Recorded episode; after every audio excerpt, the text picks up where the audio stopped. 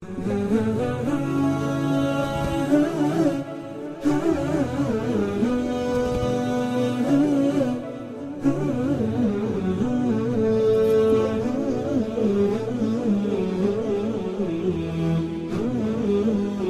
الله أيها الإخوة الكرام والأخوات الكريمات في هذا الدرس من دروس التعليق على تفسير الإمام ناصر الدين البيضاوي الشافعي رحمه الله تعالى. وهذا هو الدرس الثامن والعشرون بعد المئة من هذه السلسلة واليوم هو الأحد التاسع والعشرون من شهر ذي الحجة من عام 1439 للهجرة. فيكون هذا الدرس آخر درس في هذا العام وأول درس في بداية العام الدراسي الجديد 1439 40 ونسأل الله سبحانه وتعالى أن يعيننا جميعا على العلم النافع والفقه في كتابه الكريم وأن يوفقنا جميعا للعمل بهذا القرآن العظيم الذي نتدارسه. ومثل هذا الدرس أيها الإخوة على طوله آه، هو من أنفع الدروس وهو الدرس في مدارسة كلام الله سبحانه وتعالى وهو الذي جاء النص عليه في الحديث النبوي في قول النبي صلى الله عليه وسلم ما جلس قوم في بيت من بيوت الله يتلون كتاب الله ويتدارسونه بينهم إلا حفتهم السكينة ونزلت عليهم الملائكة وغشيتهم الرحمة. ولا شك أن كل واحدة من هذه الجوائز تستحق أن ينقطع لها الإنسان وأن يبذل من أجلها الكثير. كنا وقفنا عند قول الله تعالى في سورة النساء لا يحب الله الجهر بالسوء من القول إلا من ظلم وكان الله سميعا عليما. ولم نتحدث عن هذه الآية. فلعلنا نبدأ من هذه الآية على بركة الله. تفضل يا شيخ أحمد. بسم الله والحمد لله والصلاة والسلام على رسول الله صلى الله عليه وسلم. اللهم اغفر لنا ولشيخنا وللحاضرين وللمتابعين وللمسلمين أجمعين. قال الإمام البيضوي رحمه الله ونفعنا الله بعلومه في الدارين. لا يحب الله الجهر بالسوء من القول إلا من ظلم إلا جهر من ظلم بالدعاء على الظالم والتظلم منه.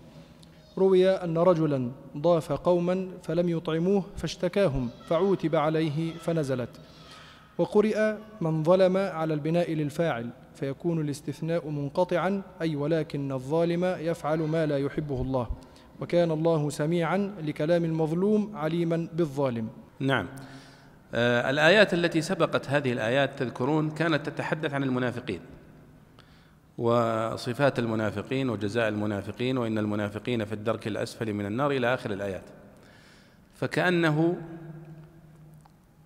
استسهل بعضهم الوقوع في الآخرين واتهامهم بالنفاق. أن هذا منافق وهذا هذا وذاك منافق. فأراد الله سبحانه وتعالى أن يكف ألسنة المؤمنين عن القول السوء. والوقوع في أعراض الناس والوقوع في في تصنيف الناس فقال لا يحب الله الجهر بالسوء من القول إلا من ظلم. فكأن الله سبحانه وتعالى يدعو المؤمنين إلى كف ألسنتهم عن وصف الآخرين بالنفاق أو بغيره من الصفات لأن الصفات التي مرت في وصف المنافقين كأنها تسوغ الوقوع في أعراض الناس أو اتهام الناس بالنفاق لمجرد الشبهة أو أي صفة من الصفات. فالله سبحانه وتعالى قال لا يحب الله الجهر بالسوء من القول. يقول البيضاوي إلا من ظلم إلا جهر من ظلم بالدعاء على الظالم والتظلم منه. هذا هو قول في معنى الآية أن الله لا يحب الجهر بالسوء من القول مطلقا. لا يحب الله الجهر بالسوء من القول. والجهر بالسوء السوء من القول هو القول القبيح. بوصف الإنسان بما يكره. إما كما قال الله سبحانه وتعالى في سورة الحجرات ولا تنابزوا بالألقاب ولا يغتب بعضكم بعضا. هذا كله من الجهر بالسوء. الغيبة هي من الجهر بالسوء. ونبز الآخرين بالألقاب. كقولهم فلان قصير أو يا قصير أو يا دميم أو يا آه، كذا أعرج ونحوها فهذا كله من الجهر بالسوء. فالله سبحانه وتعالى في هذه الآية وهذه الآية من أجمع الآيات في الأخلاق. هذه الآية التي معنا الآن. هي من أجمع الآيات في القرآن الكريم في الأخلاق. كما في قوله سبحانه وتعالى خذ العفو وأمر بالعرف وأعرض عن الجاهلين. هذه آية جامعة في الأخلاق. أيضا هذه الآية لا يحب الله الجهر بالسوء من القول. ولذلك ينبغي على المؤمن أن ينزه لسانه لأنها هذه الآية خاصة باللسان لأنه هو الذي يتكلم به المرء. فالله يقول أنه لا يحب الجهر بالسوء من القول. مطلقا. ثم استثنى استثناء ضيقا. فقال إلا من ظلم إلا من ظلم. إلا من ظلم فيجوز له. في حدود ضيقة أن يجهر بالسوء من القول. ما هو هذا الجهر؟ قال هو التظلم والشكوى ممن ظلمه. لكن هل هذه الشكوى والتظلم مطلق؟ قالوا لا في حدود. فلا يتجاوز ولا يتج... لا يعني يظلم هذا الذي ظلمه فيقول فيه ما ليس فيه أو يبالغ في الشكوى. فيشتكي إلى من لا ينصفه. لأنه وش الفائدة؟ أنك تشتكي في المجامع الناس أو في وسائل التواصل وغيرها وهم لا يستطيعون أن ينصفوك. ولكن تشتكي عند من يستطيع أن ينصفك. فتشتكي عند القاضي تشتكي عند الوالي أو نحو ذلك. ولذلك العلماء استثنوا من الغيبة هذه الصورة وقالوا إن اللي أذن له بهذه الآية. عندما قال لا يحب الله الجهر بالسوء من القول إلا من ظلم يعني فله أن يشتكي من ظالمه على من ينصفه دون زيادة ودون تجني ودون مبالغة. قال إلا جهر من ظلم بالدعاء على الظالم والتظلم منه. ثم ذكر البيضاوي سبب نزول هذه الآية. وهذا السبب قد ذكره ابن جرير الطبري وذكره عبد الرزاق الصنعاني في مصنفه آه، مرسلا. وهو أن رجلا في عهد النبي صلى الله عليه وسلم ضاف قوما فلم يضيفوه فلم يطعموه فاشتكاهم فعوتب عليه فنزلت. يعني ذهب ضيفا إلى قوم فلم يطعموه ولم يقوموا بواجب ضيافته فاعتبر هذا ظلما فاشتكى منهم وقال إن بني فلان لم يطعموني واتهمهم بالبخل فعوتب من بعض الصحابة على شكواه من هؤلاء. فنزلت هذه الآية. في الآية قراءة أخرى لا يحب الله الجهر بالسوء من القول إلا من ظلم. إلا من ظلم. البيضاوي وجه هذه القراءة وتذكرون يعني هذه المسألة عند البيضاوي آه ظاهرة وهي توجيهه للقراءات. أنه يذكر القراءات ويذكر توجيه القراءة. يعني معنى القراءة آه على القراءة الأخرى. قال وقرئ من ظلم على البناء للفاعل. فيكون الاستثناء منقطعا أي ولكن الظالم يفعل ما لا يحبه الله. الاستثناء المنقطع مر معنا كثيرا وهذه المسألة من المسائل المهمة التي ينبغي على طالب العلم أن يتقنها. باب الاستثناء. الاستثناء دائما أو الأصل في الاستثناء أن يكون المستثنى من جنس المستثنى منه. فتقول خرج الطلاب إلا عليا ودخل الطلاب إلا محمدا ويكون استثناء متصلا منصوبا. لكن الاستثناء المنقطع أو المفرغ يسمونه المفرغ ويسمونه منقطع حسب اختلاف مدارس النحو. تعرفون أن مدارس النحو فيه البصريين والكوفيين فالبصريون يستخدمون مصطلحات فيقولون استثناء مفرغ والبصريون يقولون استثناء منقطع. ماذا يقصدون بالاستثناء المفرغ أو المنقطع قالوا هو أن يكون المستثنى من غير جنس المستثنى منه. مثل قول الشاعر وهذا موجود في كتب النحو مشهور جدا في بلدة ليس بها أنيس إلا اليعافير وإلا العيس. فاليعافير وهي نوع من الدواب والعيس كذلك ليست من الإنس ليست بشر. لكنه استثناها فقال في بلدة ليس بها أنيس ليس بها بشر إلا اليعافير وإلا العيس. فقال هذا استثناء منقطع. فكذلك هنا على قوله إلا من ظلم لا يحب الله الجهر بالسوء من القول. إلا من ظلم.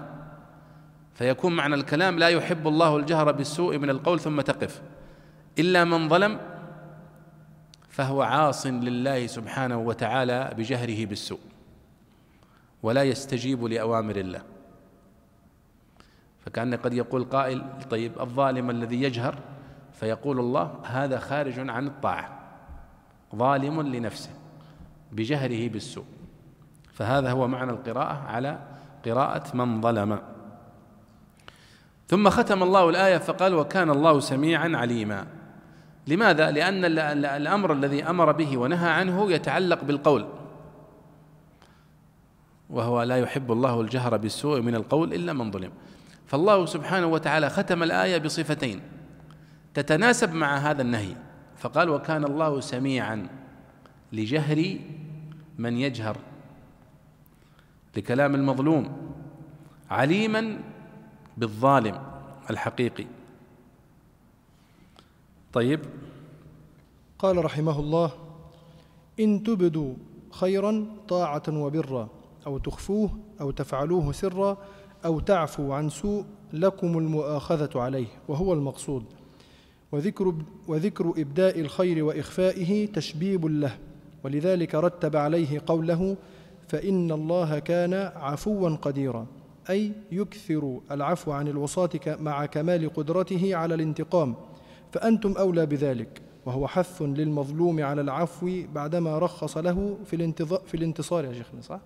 في الانتظار. في الانتظار؟ نعم. وهو حث للمظلوم على العفو بعدما رخص له في الانتظار حملا على مكارم الأخلاق. هو في الانتظار مكتوبة لكن يبدو أن الانتصار أولى. صدقت. نعم السياق أولى. يقول الله سبحانه وتعالى هو إكمال الآية التي قبلها إن تبدوا خيرا أو تخفوه أو تعفو عن سوء. فإن الله كان عفوا قديرا. يقول إن تبدوا خيرا وإن تبدوا خيرا الخير هنا يعني كلمة عامة تطلق على كل ما يدخل تحتها من الطاعة والبر والمعروف والصدقة وغيرها فكل هذا إظهاره من إظهار الخير ومن إبداء الخير. أو تخفوه أو تفعلوه سرا أو تعفو عن سوء فإن الله كان عفوا قديرا. تذكرون مرة معنا في سورة آه، البقرة في قوله سبحانه إن تخفوا إن تبدوا الصدقات فنعم ما هي وإن تخفوها وتؤتوها الفقراء فهو خير لكم. فهذه قاعدة في الأخلاق في الإسلام.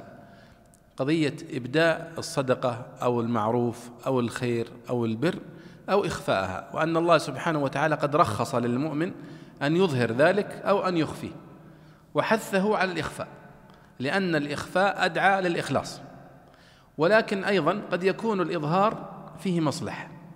كأن يكون الإنسان قدوة يقتدي به الناس. فإذا أظهر المعروف والصدقة والبر اقتدى به الناس. فيكون في إظهاره خير. كما كان عن النبي صلى الله عليه وسلم عندما جاءه وفد من بني عبد القيس مجتابي النمار فرؤي وجه النبي صلى الله عليه وسلم يتمعر لما رأى من رثاثة أحوالهم وفقرهم وحاجتهم. فلما فدعا الصحابة رضي الله عنهم إلى الصدقة. أنفق رجل من درهمه أنفق رجل من ديناره. فجاء أحد الصحابة رضي الله عنهم بكيس تعجز عنه يده يحمله مملوء بالمال. فوضعه بين يدي النبي صلى الله عليه وسلم. فقال النبي صلى الله عليه وسلم من سن سنة حسنة فله أجرها وأجر من عمل بها إلى يوم القيامة لا ينقص ذلك من أجورهم شيئا. لأنه جاء بخير وأظهره أمام الناس. لكنه كان فيه تحفيز لبقية الصحابة للدفع وللتصدق وكذلك. فاذا الإظهار في بعض المواضع قد يكون أفضل من الإضمار. وبعض المواضع إخفاء الصدقة وإخفاء المعروف وإخفاء البر أفضل. إما جبرا لخاطر الذي دفع له المال أو التصدق عليه لأن في إظهار الإحسان إلى بعض الناس إساءة له أيضا وكسر لنفسه. كان تتصدق على رجل مثلا آه، ثم تمن عليه كما قال الله سبحانه وتعالى في في في سورة البقرة. يا أيها الذين آمنوا لا تبطلوا صدقاتكم بالمن والأذى. تروح تتصدق على واحد ثم قدام الناس تقول ها كيف الغسالة اللي تصدقت بها عليك أو البيت أو كذا. فأنت بطريقة مباشرة وغير مباشرة تمن عليه. وهذا المن يعني صعب على نفوس الأحرار ونفوس الناس وفيه إهانة لهم. فإذا مسألة إظهار المعروف أو الصدقة أو الإحسان أو إخفاؤه الله سبحانه وتعالى ذكرها في القرآن في أكثر من موضع رخص للمؤمن أن يظهر وأن يخفي وأنه مأجور على كل حال. لكنه في سورة البقرة قال وإن تخفوها وتؤتوها الفقراء فهو خير لكم.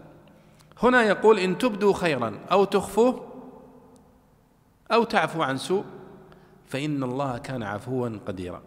فذكر ثلاثة أشياء. إبداء الخير إخفاؤه العفو عن السوء.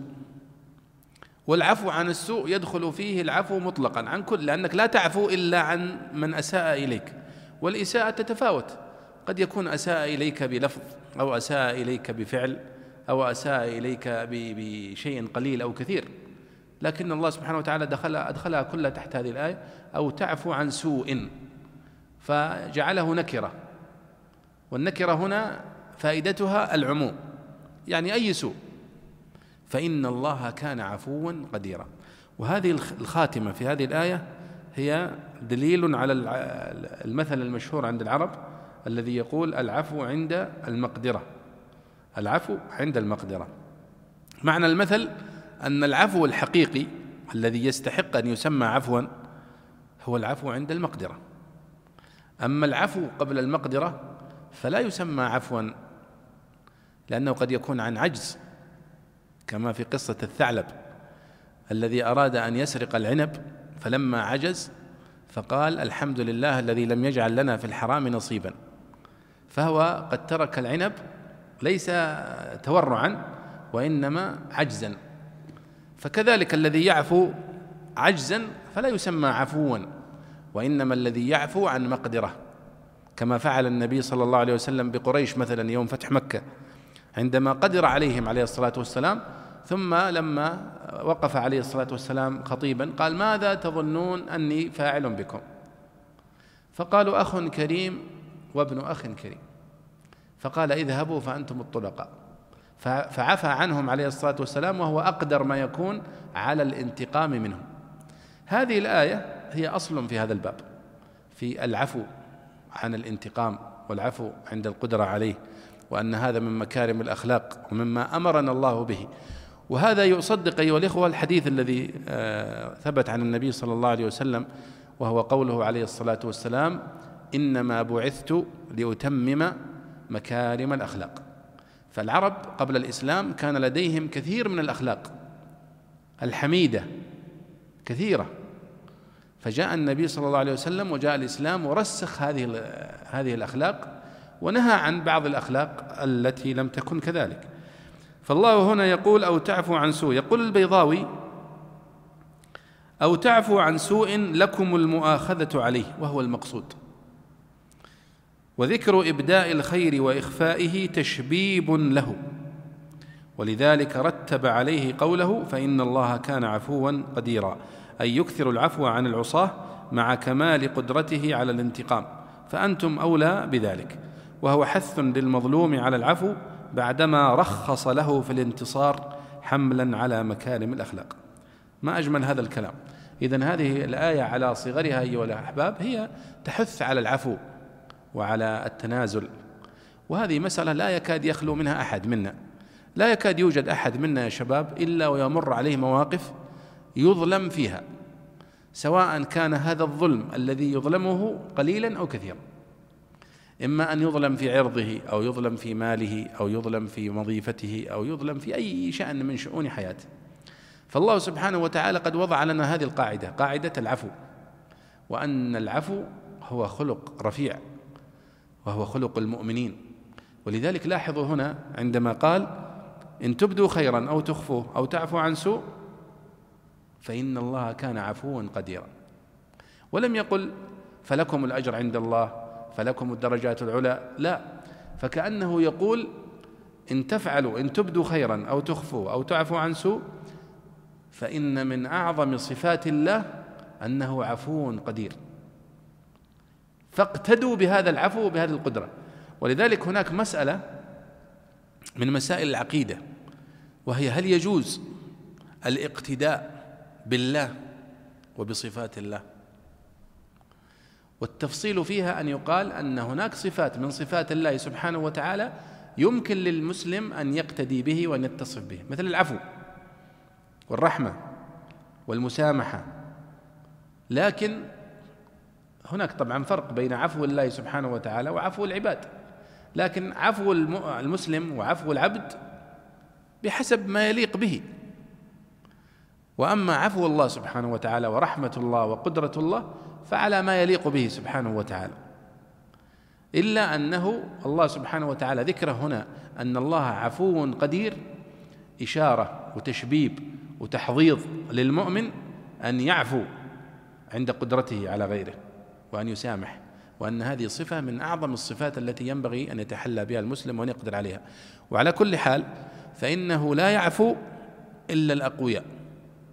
الضعفاء ينتقمون ويستغلون الفرص. هذا الضعيف. أما القوي والكبير فإنه يعفو ويسامح حتى عمن ظلمه. ولذلك دائما الذي يعفو ويسامح هذا مؤشر ودليل على قوته وقوة شخصيته وقدرته وإيمانه بالله سبحانه وتعالى. ولذلك تلاحظون اليوم يقع كثير من الناس في القتل ثم قليل من يعفو. لا يعفو إلا القليل لكن هؤلاء القلة هم الذين استطاعوا أن يتصفوا بهذه الصفة التي ذكرها الله في هذه الآية. البيضاوي يقول هنا آه وذكر إبداء الخير وإخفائه تشبيب له ولذلك رتب عليه قوله فإن الله كان عفوا قديرا. البيضاوي يريد أن يقول إن قول الله سبحانه وتعالى إن تبدوا خيرا أو تخفوه أو تعفو عن سوء أن المقصود بالكلام هو العفو عن السوء. ليش؟ لأن الآية التي سبقت ماذا يقول الله فيها؟ يقول لا يحب الله الجهر بالسوء من القول. فكأنه قال قائل طيب إذا أحد ساء أساء إلي بقول فما الموقف منه؟ فقال العفو هو أفضل موقف فجاء به بعده. طيب لماذا قال إن تبدوا خيرا أو تخفوه؟ قال كأن إبداء الخير أو إخفاءه إشارة وتشبيب وتحضيض على العفو لأن العفو هو صورة من صور إظهار الخير وإبداء الخير. فإن عفوت بشكل علني جزاك الله خير. وإن عفوت بشكل خاص وسري فجزاك الله خيرا فإذا أو تعفو عن سوء هي تدخل تحت إبداء الخير وإخفاءه. ونسأل الله أن يرزقنا وإياكم مكارم الأخلاق. وهذه الآية يا شباب إذا جمعت مع نظائرها في القرآن الكريم في موضوع الأخلاق في القرآن الكريم يجتمع لدينا دستور إن صح التعبير يمكن أن نسميه دستور الأخلاق في القرآن الكريم. والذي كتب فيه الدكتور محمد عبد الله دراز كتابه الدكتوراه دستور الأخلاق في القرآن الكريم. وأن القرآن الكريم قد جاء فوضع أصول الأخلاق وقواعدها في القرآن الكريم. من أمثلة هذه الآية. هذه الآية على وجازتها تتحدث عن موضوع كبير جدا وهو يتعلق بالأخلاق والتعامل بين الناس فيما بينهم. طيب تفضل يا شيخ أحمد. قال رحمه الله إن الذين يكفرون بالله ورسله ويريدون أن يفرقوا بين الله ورسله بأن يؤمنوا بالله ويكفروا برسله ويقولون نؤمن ببعض ونكفر ببعض نؤمن ببعض الأنبياء ونكفر ببعضهم ويريدون أن يتخذوا بين ذلك سبيلا طريقا وسطا بين الإيمان والكفر ولا واسطة إذ الحق لا يختلف. فإن الإيمان بالله سبحانه وتعالى لا يتم إلا بالإيمان برسله وتصديقهم فيما بلغوا عنه تفصيلا أو اجمالا. فالكافر ببعض ذلك كالكافر بالكل في الضلال كما قال, تعالى كما قال الله تعالى فماذا بعد الحق إلا الضلال؟ أولئك هم الكافرون هم الكاملون في الكفر لا عبرة بإيمانهم هذا. حق مصدر مؤكد لغيره أو صفة لمصدر الكافرين بمعنى هم الذين كفروا كفرا حقا أي يقينا محققا وأعتدنا للكافرين عذابا مهينا. كمل الآية اللي بعدها. والذين آمنوا بالله ورسله ولم يفرقوا بين أحد منهم أضدادهم ومقابلوهم وإنما دخل بين على أحد وهو يقتضي متعددا لعمومه من حيث إنه وقع في سياق النفي. أولئك سوف, سوف يؤتيهم أجورهم الموعودة لهم وتصديره بسوف لتأكيد الوعيد والدلالة على أنه كائن لا محالة وإن تأخر. وقرأ حفص عن عاصم وقالون عن يعقوب بالياء على تلوين الخطاب وكان الله غفورا لما فرط منهم رحيما عليهم بتضعيف حسناتهم. نعم الحديث الآن أيها الإخوة عن الإيمان بالله سبحانه وتعالى ورسله عليهم الصلاة والسلام وأنه متلازم. فلا يمكن أن يقول أحد أنني أؤمن بالله وبالأنبياء جميعا إلا يونس أنا لا أؤمن به. فإن هذا كفر. هذا كفر. ولا يجوز أن تؤمن ببعض الرسل وأن تكفر ببعض. فالله سبحانه وتعالى يقول إن الذين يكفرون بالله ورسله ويريدون أن يفرق يفرقوا بين الله ورسله. يعني في الإيمان يقولون نؤمن بالله وأما الرسل نؤمن ببعض ونكفر ببعض. ويقولون نؤمن ببعض ونكفر ببعض.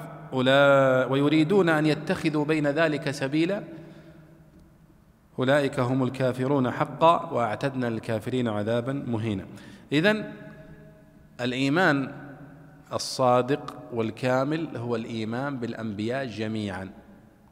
طيب ما المقصود بالإيمان بالأنبياء جميعا؟ نقول نحن نؤمن بكل الأنبياء الذين ذكرهم الله في القرآن الكريم وذكرهم النبي صلى الله عليه وسلم في السنة النبوية. القرآن الكريم ذكر الله فيه خمسة وعشرين نبي بشكل مفصل صح؟ ذكر موسى وعيسى وإبراهيم وإلياس وذا الكفل وهود وصالح ونوح خمسة وعشرين. طيب ونحن نعرف أن الأنبياء أكثر من ذلك هم أكثر تقريبا أكثر من ثلاثمائة نبي. فنحن نؤمن بهم إجمالا. بإجمالا. لكن التفصيل نؤمن بموسى وعيسى ومحمد والقصص التي ذكرت عنهم كلها نؤمن بها. هذا معنى قول البيضاوي هنا آه، بشكل مجمل. ومفصل يعني إجمالا وتفصيلا يعني الذين فصل الله لنا قصصهم نؤمن بها والذين أجملهم نؤمن بهم. وكفرنا بواحد من هؤلاء كفر بالبقية. ولذلك شوفوا مثلا اليهود يقولون نحن نؤمن بموسى وإبراهيم لكن نكفر بعيسى ومحمد. والنصارى يقولون نحن نؤمن بموسى وعيسى ولكن نكفر بمحمد. المسلمون يقولون نحن نؤمن بمحمد وبعيسى وب... ولذلك المؤمنون والمسلمون هم أولى الناس بالأنبياء. ولذلك قال الله إن أولى الناس بإبراهيم للذين اتبعوه وهذا النبي والذين آمنوا. والله ولي المؤمنين.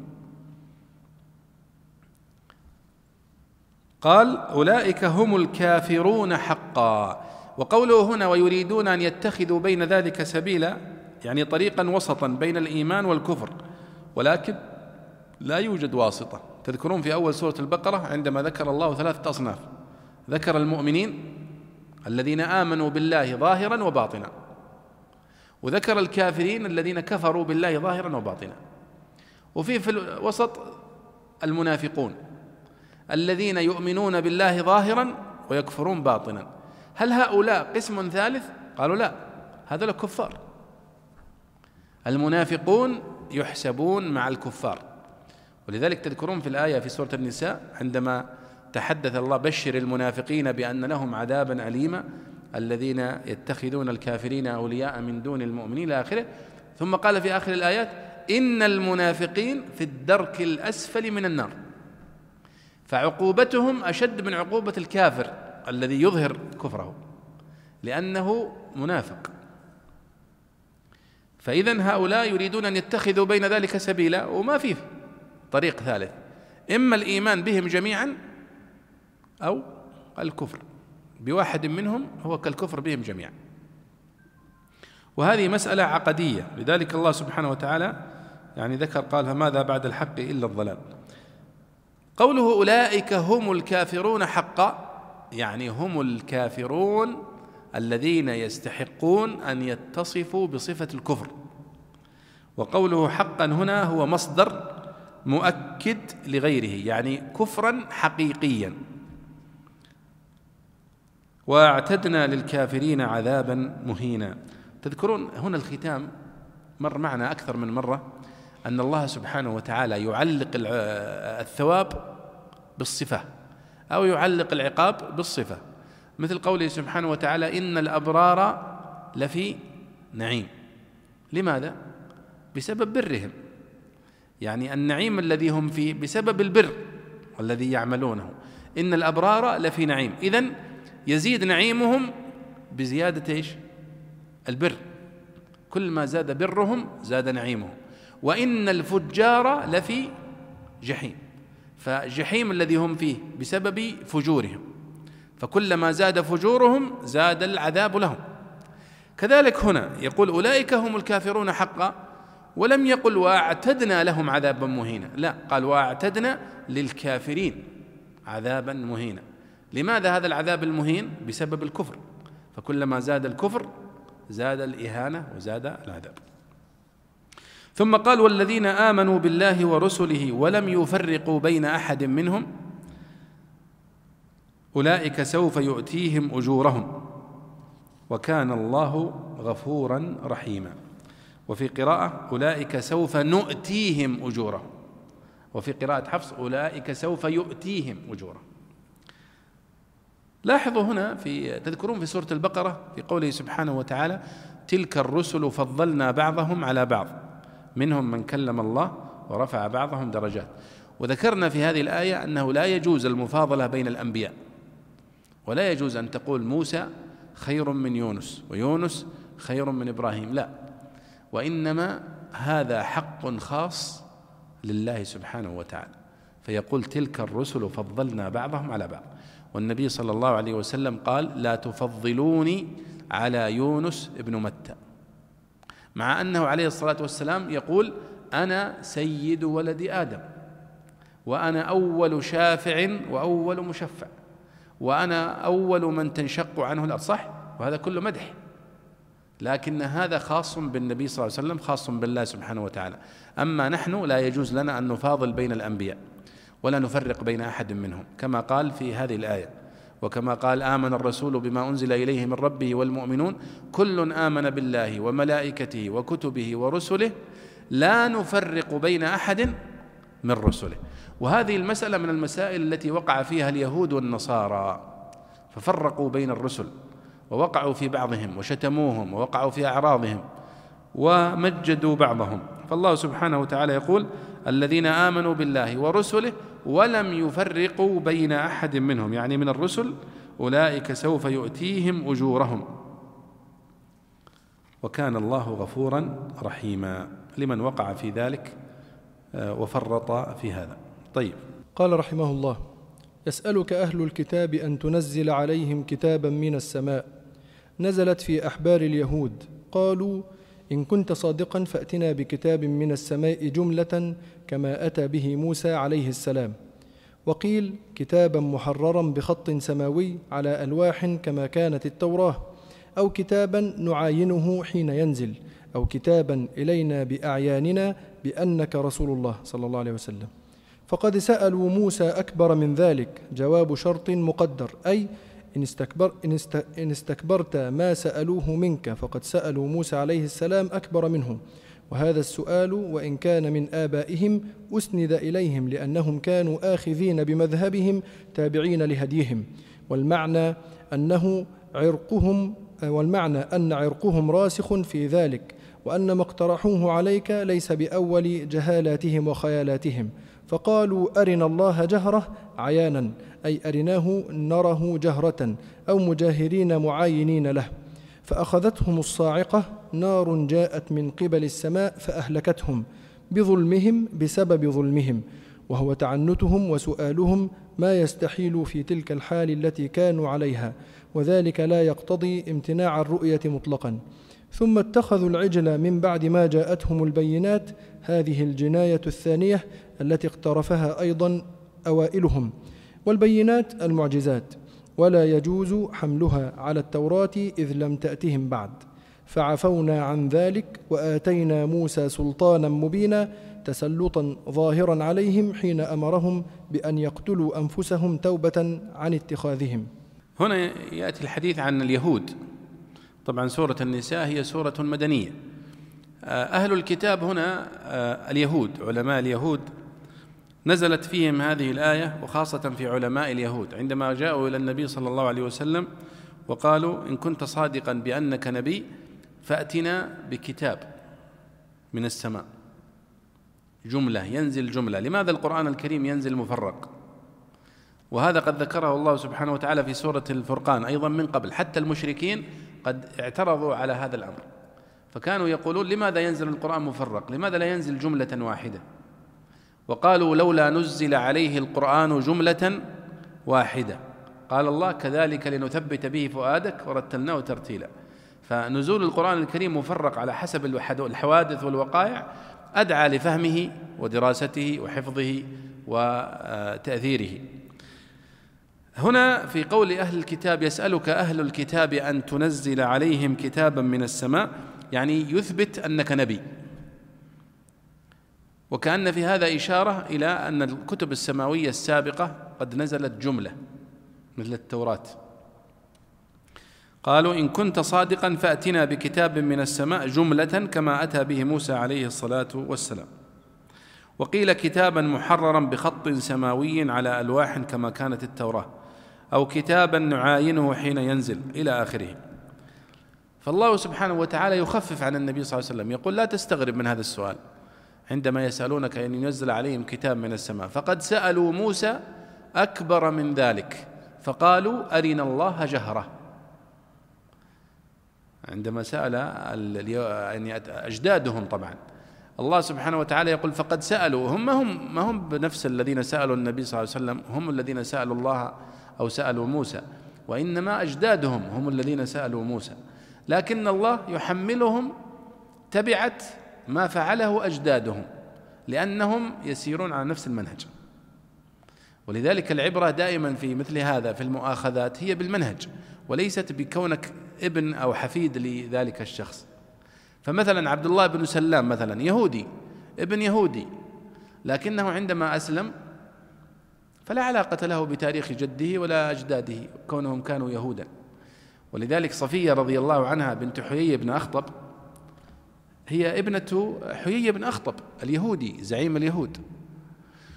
ولكنها لما تزوجت النبي صلى الله عليه وسلم وأسلمت آه، أصبحت صحابية وهي زوجة النبي صلى الله عليه وسلم وهي من أمهات المؤمنين. ولذلك ربما في بعض الأحيان كانت تعايرها عائشة رضي الله عنها بأنها يهودية. عندما آه، يعني سألها النبي صلى الله عليه وسلم كيف رأيت صفية فقالت يهودية. من الغيرة يعني غيرة النساء. وإلا فهي ليست يهودية هي كانت يهودية. أبوها يهودي لكن هي أسلمت. فلا علاقة لها بجدها ولا أبيها. كذلك هنا عندما قال فقد سألوا موسى أكبر من ذلك أي أجدادهم. سألوا موسى أن يريهم أن يريهم الله جهرة. فأخذتهم الصاعقة. فماتوا جميعا. ثم بعثهم الله. طبعا كونك يعني سؤالهم أن يروا الله جهرة سألوه على وجه التعنت لأن موسى عليه الصلاة والسلام سأل نفس السؤال لكنه سأله من باب الإيمان الطمأنينة. فالله سبحانه وتعالى قال لن تراني. صح ولا لا؟ ولكن انظر إلى الجبل فإن استقر مكانه فسوف تراني. فلما تجلى ربه للجبل جعله دكا وخر موسى صعقا فلما أفاق قال سبحانك تبت إليك. وش معنى الآيات؟ معناها أن البشر في الحياة الدنيا غير مؤهلين لرؤية الله سبحانه وتعالى. تركيبتنا وخلقتنا لا تؤهلنا أن نرى الله سبحانه وتعالى. لكن في الآخرة في الجنة الله سبحانه وتعالى يخلق المؤمنين خلقا آخر يستطيعون أن يتحملوا رؤية الله سبحانه وتعالى. ولذلك قال النبي صلى الله عليه وسلم إنكم سترون ربكم يوم القيامة كما ترون القمر لا تضامون في رؤيته. ولذلك البيضاوي مع أن البيضاوي أشعري والأشاعرة ينكرون رؤية الله إلا أنه يقول هنا كلمة جميلة. قال آه، فإن ذلك لا يقتضي نعم قال وسؤالهم ما يستحيل في تلك الحال التي كانوا عليها وذلك لا يقتضي امتناع الرؤية مطلقا.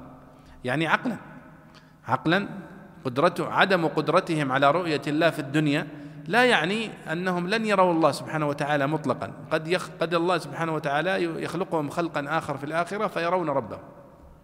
وهذا كلام جميل من البيضاوي. فإذا فقالوا أرنا الله جهرة فأخذتهم الصاعقة بظلمهم لأن سؤالهم كان بسبب التعنت وعدم الرغبة في الإيمان.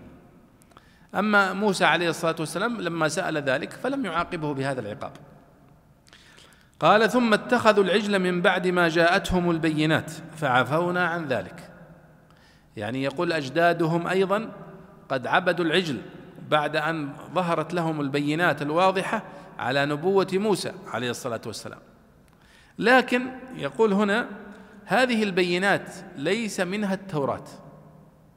البيضاوي يقول ذلك. قال والبينات المعجزات ولا يجوز حملها على التوراة إذ لم تأتهم بعد.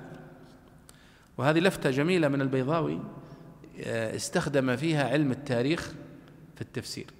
ليش؟ لأن هذه القصة التي وقعت لبني إسرائيل عندما خرجوا من هربوا من فرعون ودخلوا إلى صحراء إلى صحراء التي هربوا إليها. قيل أنها صحراء سيناء أو غيرها فعندما وصلوا إلى تلك الصحراء كما ذكر الله سبحانه وتعالى عنهم آه، قالوا اجعل لنا إلها كما لهم آلهة. قال إنكم قوم تجهلون. طيب نحن الآن نفر من الشرك ونفر من من عبادة غير الله وبعد أن أنجاكم الله. فقوله من بعد ما جاءتهم البينات من أول البينات هي عبورهم للبحر وانشقاق البحر لهم ولموسى ومن معه ونجاتهم من فرعون وإهلاك فرعون. هذه آيات عظيمة. لكن التوراة لم تنزل على موسى إلا بعد أن عبر وبعد أن استقر في الصحراء ثم ذهب في ميقات ربه أربعين ليلة الذي ذكره الله في سورة الأعراف فنزلت عليه التوراة في تلك الليلة في تلك المدة. فالبيضاوي هنا يقول ليس من البينات التوراة لأنها وقعت أو نزلت عليهم بعد هذا التاريخ. قال فعفونا عن ذلك وآتينا موسى سلطانا مبينا أي تسلطا ظاهرا عليهم حين أمرهم بأن يقتلوا أنفسهم توبة عن اتخاذهم العجل. كما في سورة البقرة. نعم فتوبوا فاقتلوا أنفسكم. طيب تفضل. قال رحمه الله فبما نقضهم ميثاقهم ورفعنا فوقهم الطور قرأتها؟ آه ورفعنا. قرأتها؟ لا لا ما قرأتها شيء ورفعنا فوقهم الطور بميثاقهم بسبب ميثاقهم ليقبلوه. وقلنا لهم ادخلوا الباب سجدا على لسان موسى والطور مطل عليهم. وقلنا لهم لا تعدوا في السبت على لسان داود عليه الصلاة والسلام ويحتمل أن يراد على لسان موسى حين ظلل الجبل عليهم. حين ظلل الجبل عليهم. فإنه شرع, شرع السبت. ولكن كان الاعتداء فيه والمسخ به في زمن داود عليه الصلاة والسلام. وقرأ ورش عن نافع لا تعدوا على أن أصله لا تعتدوا فأدغمت التاء في الدال. وقرأ قالون بإخفاء حركة العين وتشديد الدال والنص عنه بالإسكان. وأخذنا منهم ميثاقا غليظا على ذلك وهو قولهم سمعنا وأطعنا. نعم. يعني لاحظوا الآن أنه سوف يعدد على اليهود آه، ذنوبهم والمعاصي التي وقعوا فيها في زمن موسى عليه الصلاة والسلام. ثم ما بعده؟ في زمن موسى ثم زمن داود وسليمان وغيرهم من الأنبياء. فيقول الله ورفعنا فوقهم الطور بميثاقهم رفعنا فوق أجدادهم وليس فوق هؤلاء الذين تخاطبهم يا محمد. رفعنا فوقهم الطور بميثاقهم بسبب ميثاقهم ليقبلوه. وش قصة الطور هذه؟ ذكرها الله في سورة الأعراف في قوله سبحانه وتعالى وإذ نتقنا الجبل فوقهم. نتقنا حتى النتق في اللغة العربية هو السحب بقوة أو الشد بقوة. فنتق الجبل هو رفعه كما أمر الله جبريل فرفع الجبل جبل الطور فوق رؤوس اليهود أتباع موسى لأنهم رفضوا أن ينصاعوا ويستجيبوا لأوامر موسى. فقال الله وإذ نتقنا الجبل فوقهم كأنه ظلة والظلة يعني السحابة التي تظللهم وظنوا أنه واقع بهم فاستجابوا. فلما ذهب رجعوا إلى تكذيبهم فاليهود يعني يضرب بهم المثل في التكذيب وفي الكذب على الأنبياء وفي العودة عن الوعود وفي نقض العهود. واليهود في القرآن الكريم سبحان الله يعني ذكر الله عنهم نقض العهود. نقض العهود عند اليهود أسهل من شرب الماء. لا عهد لهم ولا ذمة. وقد ذكر الله هذا في القرآن نقضهم للعهود فيما بينهم مع غيرهم ويتقربون إلى الله بنقض العهود مع غيرهم طبعا. فقوله ورفعنا فوقهم الطور بميثاقهم. والطور وش هو الطور يا شباب؟ الطور في اللغة هو الجبل العظيم الطور. وفي القرآن الكريم قد ذكر الطور في مواضع منها قصة موسى عليه الصلاة والسلام في أنه نزل عليه الوحي في هذا الجبل في الطور. والطور وكتاب مسطور وفي وغيرها من الآيات. قال وقلنا لهم ادخلوا الباب سجدا على لسان موسى. وقل يعني قلنا لهم ادخلوا الباب سجدا يعني ادخلوا إلى الأرض المقدسة صح؟ وأن الله سبحانه وتعالى قال لهم ادخلوا الأرض المقدسة التي كتب الله لكم. وقلنا لهم لا تعدوا في السبت. والسبت أيضا قصته ذكرها الله في سورة الأعراف. لذلك سورة الأعراف من السور التي فصلت قصة بني إسرائيل مع موسى. في قوله سبحانه وتعالى واسألهم عن القرية التي كانت حاضرة البحر. حاضرة البحر يعني مدينة إيش؟ ساحلية. إذ تأتيهم حيتانهم يوم سبتهم شرعا. يوم السبت تجي السمك آه، في متناول اليد. شرعا يعني فوق الموية. نعم. لا في سورة شو اسمه في سورة نعم في سورة الأعراف يقول واسألهم عن القرية التي كانت حاضرة البحر إذ تأتيهم حيتانهم يوم سبتهم شرعا ويوم لا يسبتون لا تأتيهم. يعني يوم الأحد ما في سمك يوم الجمعة ما في سمك يوم ما في إلا يوم السبت. وهو اليوم الوحيد اللي ممنوع فيه الصيد ابتلاء من الله. فجاءوا بحيلة قالوا نحن لن نصيد يوم السبت. يوم الجمعة نضع الشبك. يوم السبت تخش فيها السمك. يوم الأحد نسحب الشبك. خلاص. هذه حيلة هذه قصة أصحاب السبت. ولذلك الله قال هنا وقلنا لهم لا تعدوا في السبت. على لسان داود عليه الصلاة والسلام. ويحتمل أن يراد على لسان موسى حين ظلل الجبل عليهم فإنه شرع السبت. ولكن كان الاعتداء فيه والمسخ به في زمن داود عليه الصلاة والسلام. طبعا هذه قصص من القصص الإسرائيلية في متى وقعت قصة أصحاب السبت. هل وقعت في عهد موسى أو في عهد من بعده من الأنبياء؟ والصحيح أنها وقعت في عهد داود عليه الصلاة والسلام. لكن النهي عنها من أيام موسى. فالتزموا في عهد موسى وفي من بعده. حتى جاء عصر داود جاءتهم الفكرة الإبداعية هذه لنقض هذا العهد. فيعني كان ما كان منهم. قال الله سبحانه وتعالى يعني أنه مسخهم قردة وخنازير كل من صنع ذلك. ذكر البيضاوي هنا قراءة ورش عن نافع في قوله وقلنا لهم لا تعدوا في السبت هذه قراءة حفص. تعدوا من الاعتداء والعدوان قراءة ورش لا تعدوا وقراءة قالون بإشمام العين أو في اختلاسها لا تعدوا وهي كلها مأخوذة من الاعتداء والعدوان والصيد في يوم السبت بحيل إسرائيلية يهودية آه، خاطئة. قال وأخذنا منهم ميثاقا غليظا على ذلك وهو قولهم سمعنا وأطعنا. على لسان إبراهيم آه، موسى وعلى لسان داود ولكنهم بالرغم من ذلك خالفوا أوامر الله ونقضوا ميثاقهم. فقال الله في الآية التي بعدها فبما نقضهم ميثاقهم. أيوة تفضل.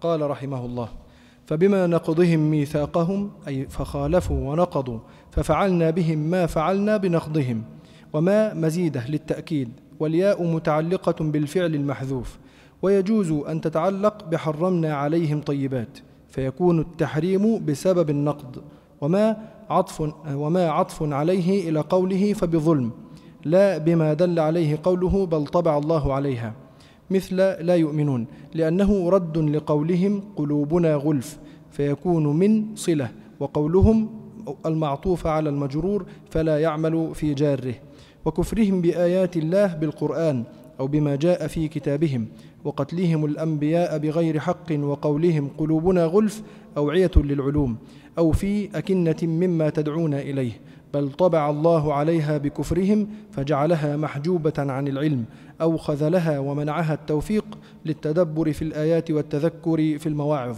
فلا يؤمنون إلا قليلا منهم كعبد الله بن سلام أو إيمانا قليلا إذ لا عبرة به لنقصانه. نعم. قال الله سبحانه وتعالى فبما نقضهم ميثاقهم لعناهم آه، وكفرهم بآيات الله وقتلهم الأنبياء بغير حق وقولهم قلوبنا, قلوبنا غلف. يعني بكل هذه المعاصي والذنوب التي اقترفوها طبع الله على قلوبهم آه، بكفرها. فقال فبما نقضهم ميثاقهم. معنى الآية بنقضهم ميثاقهم. طيب لماذا قال فبما نقضهم؟ قالوا الماء هنا للتأكيد. للتأكيد. يعني أنهم كانوا يعني مصرين على نقضهم لهذه العهود نقضا شديدا. قال فبما نقضهم ميثاقهم؟ وما مزيدة للتأكيد؟ والياء متعلقة بالفعل المحذوف. أو المقصود الباء الباء وليس الياء. مكتوب في الكتاب والياء متعلقة بالفعل المحذوف. والمقصود الباء هنا قوله بما متعلقة بالفعل المحذوف. قال بل طبع الله عليها بكفرهم. والطبع مر علينا في في أكثر من آية في الآيات السابقة أن الطبع هو الختم على القلوب بمعنى أنه لا يدخلها الهدى. طبع عليها بمعنى أغلقها فلا يدخلها الهدى ولا يدخلها الإيمان. طيب لماذا طبع الله عليها؟ قال بكفرهم. ولذلك دائما يا شباب المعاصي هي عقوبة وهي أيضا عقوبتها الاستمرار فيها. فالله سبحانه وتعالى يحول بين الإنسان وبين التوبة والعياذ بالله. كما قال الله سبحانه وتعالى وحيل بينهم وبين ما يشتهون قالوا التوبة. لانها هي التي يشتهونها في هذه الساعة يتوبون إلى الله. بدليل أنهم عندما يعني قال الله سبحانه وتعالى في آه، عن المنافقين آه، قالوا ربنا أرجعنا نعمل صالحا غير الذي كنا نعمل. أرجعنا نعمل صالحا. والله سبحانه وتعالى قد يعني قطع هذا الأمل وهذا الرجاء. قال وقتلهم الأنبياء بغير حق وقولهم قلوبنا غلف. يعني كل هذه الذنوب التي ذكرها الله سبحانه وتعالى. شوفوا نقض الميثاق قدمه على الكفر. أصلا الكفر هو نقض للميثاق. فالكفر هو نوع من نقض الميثاق. لكنه قدم نقض الميثاق في صفات اليهود هنا إشارة إلى أنه من الصفات البارزة في أخلاق اليهود. فبما نقضهم ميثاقهم وميثاقهم هنا هو جنس المقصود به المواثيق كلها التي أخذوها. ميثاق الذي أخذه عليهم موسى الإيمان الميثاق يوم السبت الميثاق في قتل عدم قتل الأنبياء مواثيق كثيرة. فالميثاق هنا اسم جنس يعني فبما نقضهم مواثيقهم. هذا الذنب الأول. قال وكفرهم بآيات الله. وبنو إسرائيل قد أنزل الله عليهم آيات كثيرة. وكثرة الآيات التي تنزل على أمة من الأمم ليست دليل على فضلها وإنما دليل على كفرها وشدة جحودها وتكذيبها. فلذلك تحتاج الكثير من الآيات. بخلاف الأمة المستجيبة المنقادة المصدقة فإن لا تحتاج إلى الكثير من الآيات. قال وقتلهم الأنبياء بغير حق. هذا ذنب من الذنوب العظيمة التي ارتكبها بنو إسرائيل. كانوا يقتلون الأنبياء. طيب هل معنى الآية يا شباب وقتلهم الأنبياء بغير حق؟ أن هناك قتل للأنبياء يأتي بحق؟ يعني مشكلة بني إسرائيل أنهم يقتلون الأنبياء بغير حق. طيب لو كانوا يقتلون الأنبياء بحق؟ أيوه. فاذا الوصف هنا يسمونه وصف كاشف وغير مقصود. يعني ليس معنى الآية يعني ليس مفهوم المخالفة مرادا. يعني ليس المقصود أن هناك قتل للأنبياء بحق ولكنهم هم كانوا يقتلونهم بغير حق. كل قتل للأنبياء فهو بغير حق. فاذا قوله وقتلهم الأنبياء بغير حق وصف يكشف حالتهم التي كانوا عليها وليس تبريرا بمعنى أن هناك قتل الأنبياء يكون بحق. قال وقولهم قلوبنا غلف. أيضا هذا من ذنوبهم التي كانوا يصرون عليها وهي الإصرار على الكفر والإصرار على التكذيب. وإذا قيل لهم اتقوا الله قالوا قلوبنا في أكنة قلوبنا غلف. هو نفس المعنى قلوبنا في أكنة يعني في أغطية لا ينفذ إليها الهدى ولا ينفذ إليها النصح. غلف يعني مغلفة بأغلفة لا يصل إليها الهدى. كلما قيل لهم اتقوا الله قالوا قلوبنا غلف. وفي آذاننا وقر. استهزاء وسخرية. قال الله سبحانه وتعالى بل طبع الله عليها بكفرهم فلا يؤمنون إلا قليلا. وهذه الآية إشارة إلى أن الذين يدخلون في الإسلام من اليهود قليل فعلا. أو إن صح التعبير من أحبار اليهود قليل ممن يسلم منهم لأنهم يعني كفروا على علم وعلى بينة.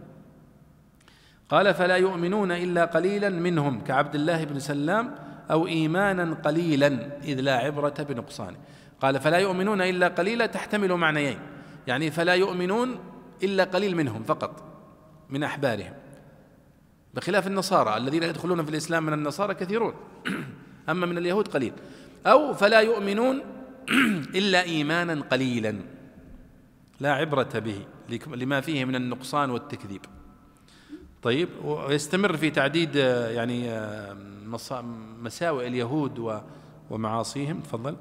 قال رحمه الله وبكفرهم بعيسى عليه الصلاة والسلام وهو معطوف على بكفرهم لأنه من أسباب الطبع أو على قوله فبما نقضهم ويجوز أن يعطف مجموع هذا وما عطف عليه على مجموع ما قبله ويكون تكرير ذكر الكفر إيذانا بتكرر كفرهم فإنهم كفروا بموسى ثم بعيسى ثم بمحمد عليه الصلاة والسلام وقولهم على مريم بهتانا عظيما يعني نسبتها إلى الزنا. وقولهم إنا قتلنا المسيح عيسى بن مريم رسول الله أي بزعمه ويحتمل أنهم قالوه استهزاء ونظيره أن رسولكم الذي أرسل إليكم لمجنون. وأن يكون استئنافا من الله سبحانه وتعالى بمدحه أو وضعا للذكر الحسن مكان ذكرهم القبيح.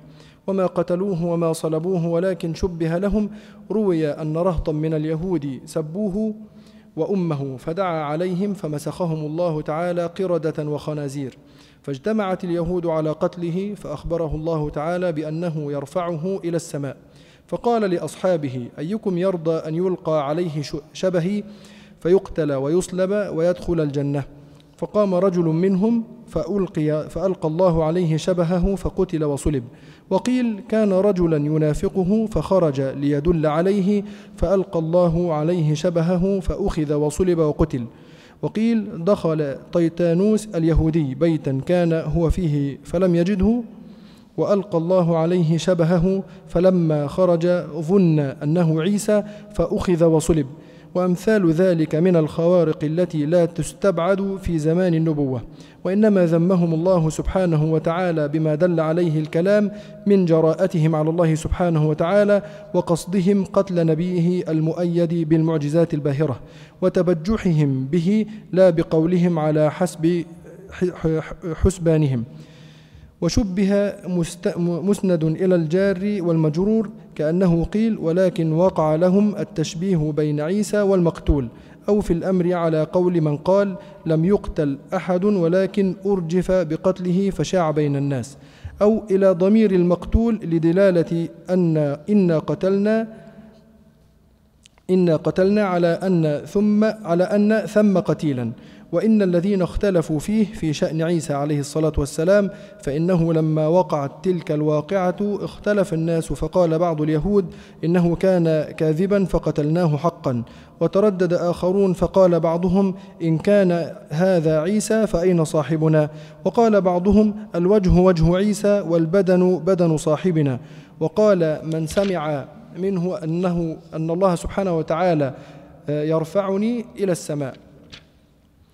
أنه رفع إلى السماء. وقال قوم صلب الناسوت وصعد اللاهوت. لفي شك منه لفي تردد. والشك كما يطلق على ما لا يترجح أحد طرفيه, طرفيه يطلق على مطلق التردد وعلى ما يقابل العلم. ولذلك أكده بقوله ما لهم به من علم إلا اتباع الظن. استثناء منقطع أي لكنهم يتبعون الظن. ويجوز أن يفسر الشك بالجهل والعلم بالاعتقاد الذي تسكن إليه النفس جزما كان أو غيره فيتصل الاستثناء. وما قتلوه يقينا قتلا يقينا كما زعموه بقولهم إنا قتلنا المسيح أو متيقنين. وقيل معناه ما علموه يقينا كقول الشاعر كذاك تخبر عنها العالمات بها وقد قتلت وقد قتلت بعلمي ذلكم يقينا.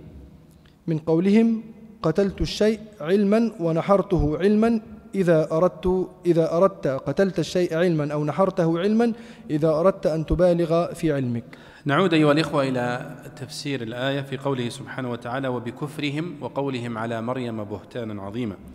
لاحظوا أن هذا فيه سرد وتعداد لقبائح اليهود من أيام موسى وما بعد موسى عليه الصلاة والسلام. وكأنها جاءت المناسبة هنا عندما قال أحبار اليهود للنبي صلى الله عليه وسلم آه، يسألك أهل الكتاب أن تنزل عليهم كتابا من السماء. فكأن النبي صلى الله عليه وسلم استغرب من هذا السؤال وهو النبي الذي أمي الذي لا يقرأ ولا يكتب عليه الصلاة والسلام وما كان عنده معرفة بكل هذه التفاصيل. فجاءت المناسبة أن يسرد الله عليه هذه القصص التي وقعت من اليهود من أيام موسى عليه الصلاة والسلام حتى عهد النبي صلى الله عليه وسلم من الكوارث والأخطاء والمصائب التي وقعوا فيها. والقرآن الكريم هو أفضل مصدر وأصدق مصدر لتاريخ بني إسرائيل.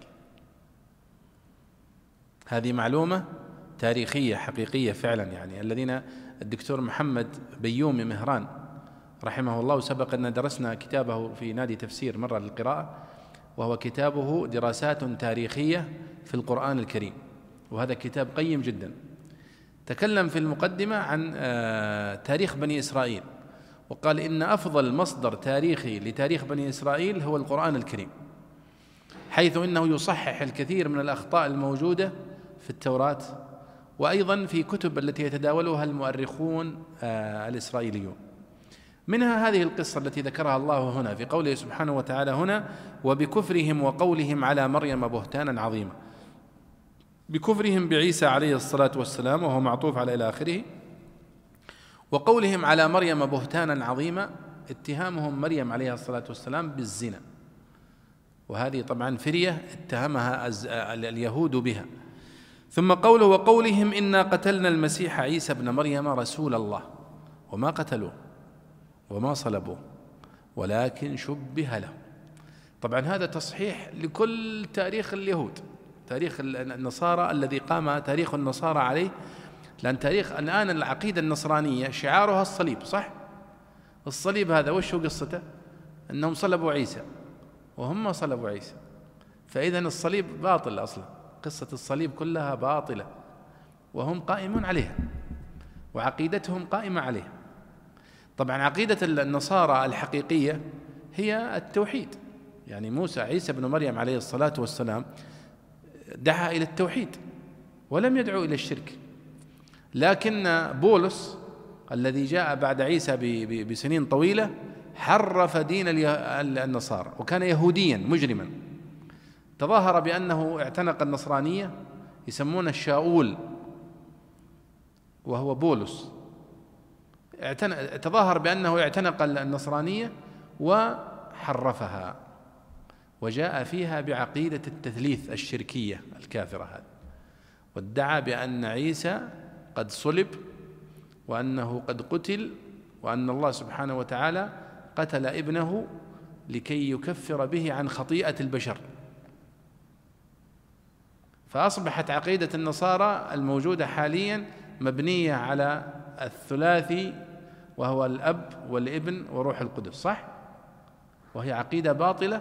وهذه الآية التي نقرأها الآن هي الآية التي تصحح وتضع الأمور في نصابها. وكانت الأمور قبلها غائمة. لا يوجد شيء يوثق ذلك ولا يوجد شيء ينفيه. حتى نزل قول الله تعالى وقولهم يعني ومن ذنوبهم التي استحقوا بها الطبع الطبع على قلوبهم وعذابهم والحكم بكفرهم قتلهم وقولهم إنا قتلنا المسيح عيسى ابن مريم رسول الله. وما قتلوه وما صلبوه ولكن شبه لهم. هذه القصة يا شباب وقعت في عهد الدولة الرومانية البيزنطية. لأن عيسى عليه الصلاة والسلام ما كانت له دولة. وكذلك موسى عليه الصلاة والسلام ما قامت لهم دولة. وإنما كانوا مشتتين مشردين. وخاصة عيسى عليه الصلاة والسلام وأتباعه كانوا يعيشون في ظل الدولة الرومانية البيزنطية. وكانت دولة وثنية. دولة وثنية. حتى جاء آه، قسطنطين. سنة 325 ميلادية. فاعتنق النصرانية. ولكن اعتنق النصرانية على العقيدة التي كتبها شاول بولس. فرسخ لمفهوم الشرك في العقيدة النصرانية وانتشرت في العالم بهذه الصورة الشركية. ولا تكاد تدخل كنيسة في العالم اليوم إلا وتجد فيها آه، صورة آه، صلب المسيح وصورة مريم عليها السلام في صور شركية غير صحيحة. وإلا فعيسى عليه الصلاة والسلام كما في سورة المائدة سيأتي معنا وإذ قال الله يا عيسى ابن مريم أأنت قلت للناس اتخذوني وأمي إلهين من دون الله؟ قال سبحانك ما يكون لي أن أقول ما ليس لي بحق. إن كنت قلته فقد علمته. تعلم ما في نفسي ولا أعلم ما في نفسك. إنك أنت علام الغيوب. ما قلت لهم إلا ما أمرتني به. أن اعبدوا الله ربي وربكم. وكنت عليهم شهيدا ما دمت فيهم. فلما توفيتني كنت أنت الرقيب عليهم وأنت على كل شيء شهيد. إن تعذبهم فإنهم عبادك إلى آخر الآيات. فهذا موقع هذه الحقيقة التاريخية. لكن هم كذبوا على عيسى عليه الصلاة والسلام وزعموا أنهم قتلوه وصلبوه. الله في هذه الآية ينفي, ينفي هذه القصة الكاذبة التي بنى عليها النصارى وبولس هذه العقيدة الشركية. فقوله وقولهم إنا قتلنا المسيح عيسى بن مريم رسول الله. شوف كيف الله سمى عيسى ثلاثة أسماء صح؟ المسيح عيسى بن مريم ووصفه بأنه رسول الله. أي بزعمهم ويحتمل أنهم قالوه استهزاء. قال الله وما قتلوه وما صلبوه ولكن شبه لهم. طبعا هذه القصة لها طبعا تفاصيل في كتب في الإنجيل أن عيسى عليه الصلاة والسلام ومن معه آه، يعني كانوا محاربين من الدولة البيزنطية وكان أكثر من يشي بهم ويحرض الدولة عليهم هم اليهود. ويتهمونهم بأنهم هراطقة وأنهم آه، يعني يعني يسعون إلى إفساد المجتمع. يتهمون عيسى ومن معه الحواريين. فعيسى عليه الصلاة والسلام في ذلك اليوم يعني كانوا يتعشى هو والذين معه وما كانوا يعلمون أن هناك يعني يعني نية مبيتة لقتله واغتياله فلذلك يعني تعشوا عشاء يسمونه النصارى اليوم العشاء الأخير. وله فيه طبعا عندهم عيد اسمه آه، عيد العشاء الأخير. يعتبرونه أن عيسى ومن معه في تلك الليلة تعشوا آخر عشاء ثم قتل بعده عيسى عليه الصلاة والسلام. فلما داهمه يعني جنود الدولة البيزنطية عيسى عليه الصلاة والسلام ومن معه الله سبحانه وتعالى ذكر لنا في الآية أنه رفع عيسى إليه.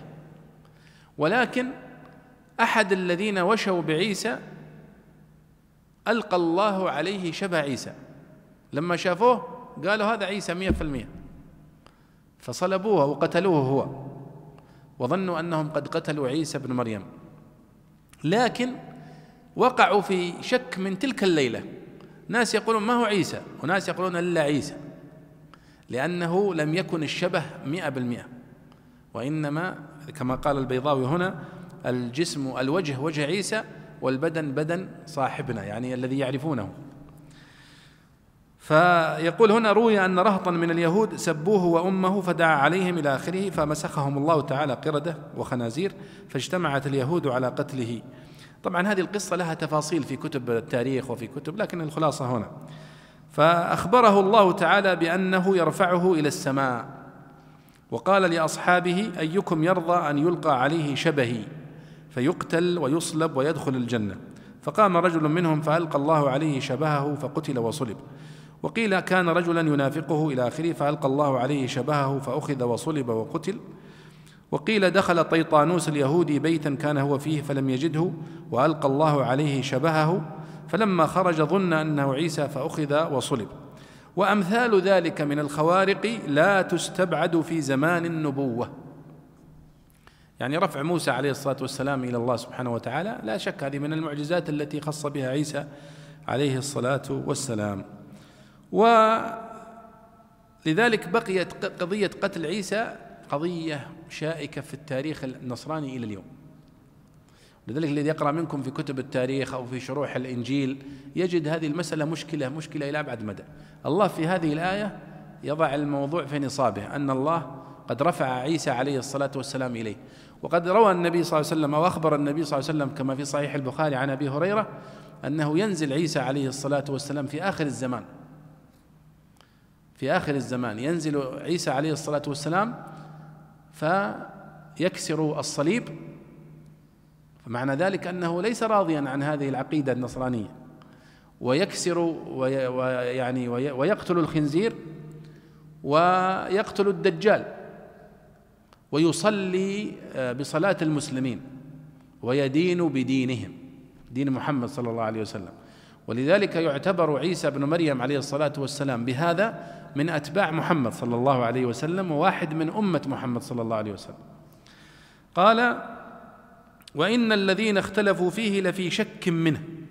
يعني نفس الذين شاركوا في محاولة قتله هم في شك هل قتلوه ولا ما قتلوه. فضلا عمن جاء بعدهم من النصارى الذين ليس لديهم أدلة تثبت ذلك. قال وما لهم به من علم إلا اتباع الظن وما قتلوه يقينا. فهذه الآية تنفي قضية قتل عيسى أو صلب عيسى وهو الذي قامت عليه العقيدة النصرانية وأن الصحيح أنه ما قتل عليه الصلاة والسلام وإنما رفعه الله إليه وسوف ينزل في آخر الزمان كما ثبت ذلك في الحديث الصحيح كما مر معنا. ثم قال البيضاوي هنا وما قتلوه يقينا. وما قتلوه يقينا معنى الآية؟ يعني ما قتلوه قطعا يقينا أنه لم يقتلوه. لكن البيضاوي ذكر قولا آخر قال قد يكون أن يفسر الشك هنا باليقين بالجهل فيتصل. فقوله وما قتلوه يقينا أي قتلا يقينا يعني قتلوه علما. ولذلك يعني هذا يعني أسلوب مجازي في اللغة العربية أن تقول قتلت هذه المسألة علما. يعني إيش؟ يعني علمتها علما مفصلا.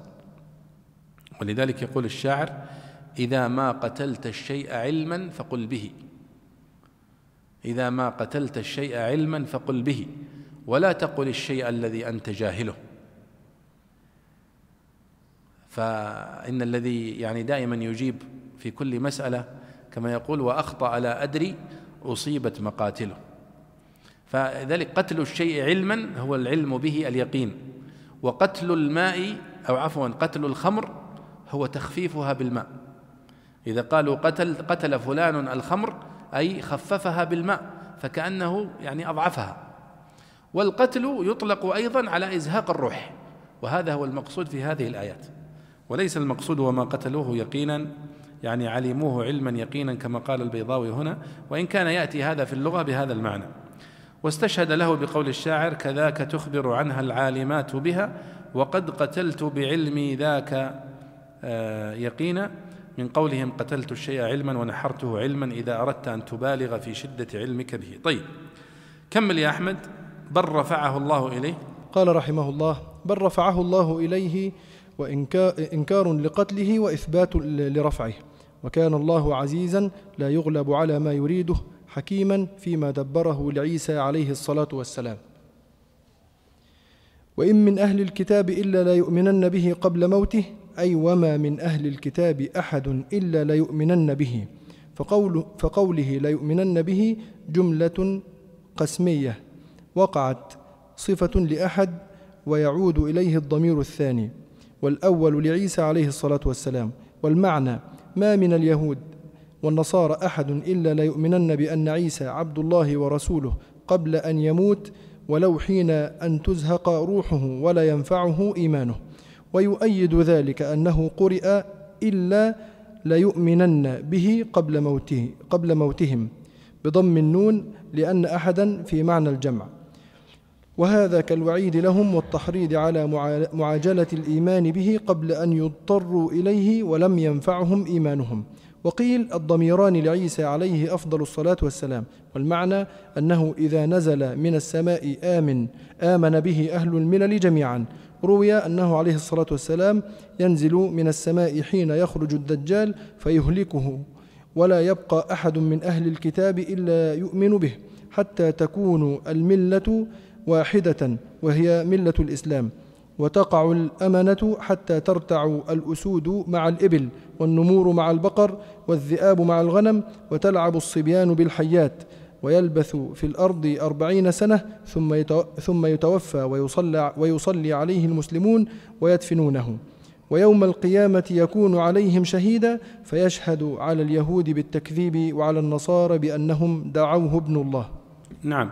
يعني هذه تتمة لقصة عيسى ابن مريم عليه الصلاة والسلام مع اليهود في زمانه عليه الصلاة والسلام عندما قالوا أنهم قتلوه وصلبوه فالله سبحانه وتعالى كذب هذه القصة. وقال هم لم يقتلوه وما قتلوه وما صلبوه ولكن رفعه الله إليه. قال هنا بل رفعه الله إليه وكان الله عزيزا حكيما فإذا العقيدة التي نعتقدها في عيسى بن مريم عليه الصلاة والسلام أنه لم يقتل ولم يصلب وإنما رفعه الله إليه. وين؟ بالضبط الله أعلم. الله أعلم. لكنه رفعه الله إليه. وهو حي عليه الصلاة والسلام اليوم. وسينزل في آخر الزمان كما ثبت في الحديث الصحيح عن أبي هريرة في البخاري وفي غيره. وعقيدة النصارى التي يعتقدونها بالتثليث وأنه قد صلب وأنه قد قتل فداء لذرية آدم وهذا كله غير صحيح وباطل. ثم قال الله سبحانه وتعالى وإن من أهل الكتاب وهذه الآية فيها اختلاف بين المفسرين كبير وإن من أهل الكتاب إلا ليؤمنن به قبل موته. ويوم القيامة يكون عليهم شهيدا. هل معنى الآية تحتمل معنيين. ليس هناك أحد من أهل الكتاب من اليهود أو من النصارى إلا ويؤمن بعيسى بن مريم قبل أن يموت هذا الرجل. وإن من أهل الكتاب إلا ليؤمنن به قبل موته ويوم القيامة يكون عليهم عيسى بن مريم شهيدا. هذا القول الأول وذكره البيضاوي وقدمه. القول الثاني وإن من أهل الكتاب إلا ليؤمنن به يعني بعيسى بن مريم قبل موت عيسى بن مريم. يعني قبل موته في الآخرة يعني في نزلته الثانية. بمعنى أن عيسى بن مريم سوف ينزل في آخر الزمان فيؤمن به المسلمون واليهود والنصارى. قبل أن يموت عيسى بن مريم ويدفنه المسلمون كما في الحديث الصحيح. ولعل القول الثاني هو الأرجح عند كثير من المفسرين. قال ويوم القيامة يكون عليهم شهيدا فيشهد على اليهود بالتكذيب وعلى النصارى بأنهم دعوه ابن الله. وهذا يؤيده الآية اللي في سورة المائدة. وإذ قوله وإذ قال الله يا عيسى ابن مريم أنت قلت للناس اتخذوني وأمي إلهين من دون الله كما يزعمون هؤلاء؟ فيقول سبحانك ما يكون لي أن أقول ما ليس لي بحق كما مر في الآيات. لعلنا نختم بالجواب عن هذا السؤال. يقول آه، العفو الذي حث الله عز وجل عليه والذي كذلك حثت السنة المطهرة عليه هو العفو عند المقدرة فقط. هل يجوز أن يرغم أحد على العفو وخصوصا إذا كان المعتدي مجرما أثيما مفسدا محاربا؟ فالجواب أن العفو الأصل أنه مندوب إليه. هذا هو الأصل. آه، ومن عفا فأجره على الله والآيات في ذلك كثيرة والأحاديث لكن إذا كان يترتب على العفو مفسدة أو يدعو إلى تمادي المجرم في إجرامه فلا يجوز. وعند ذلك فإنه ينبغي أن يؤخذ على يده حتى لا يتمادى في إجرامه وفي اعتدائه. هذا وصلى الله وسلم على سيدنا ونبينا محمد وعلى آله وصحبه أجمعين.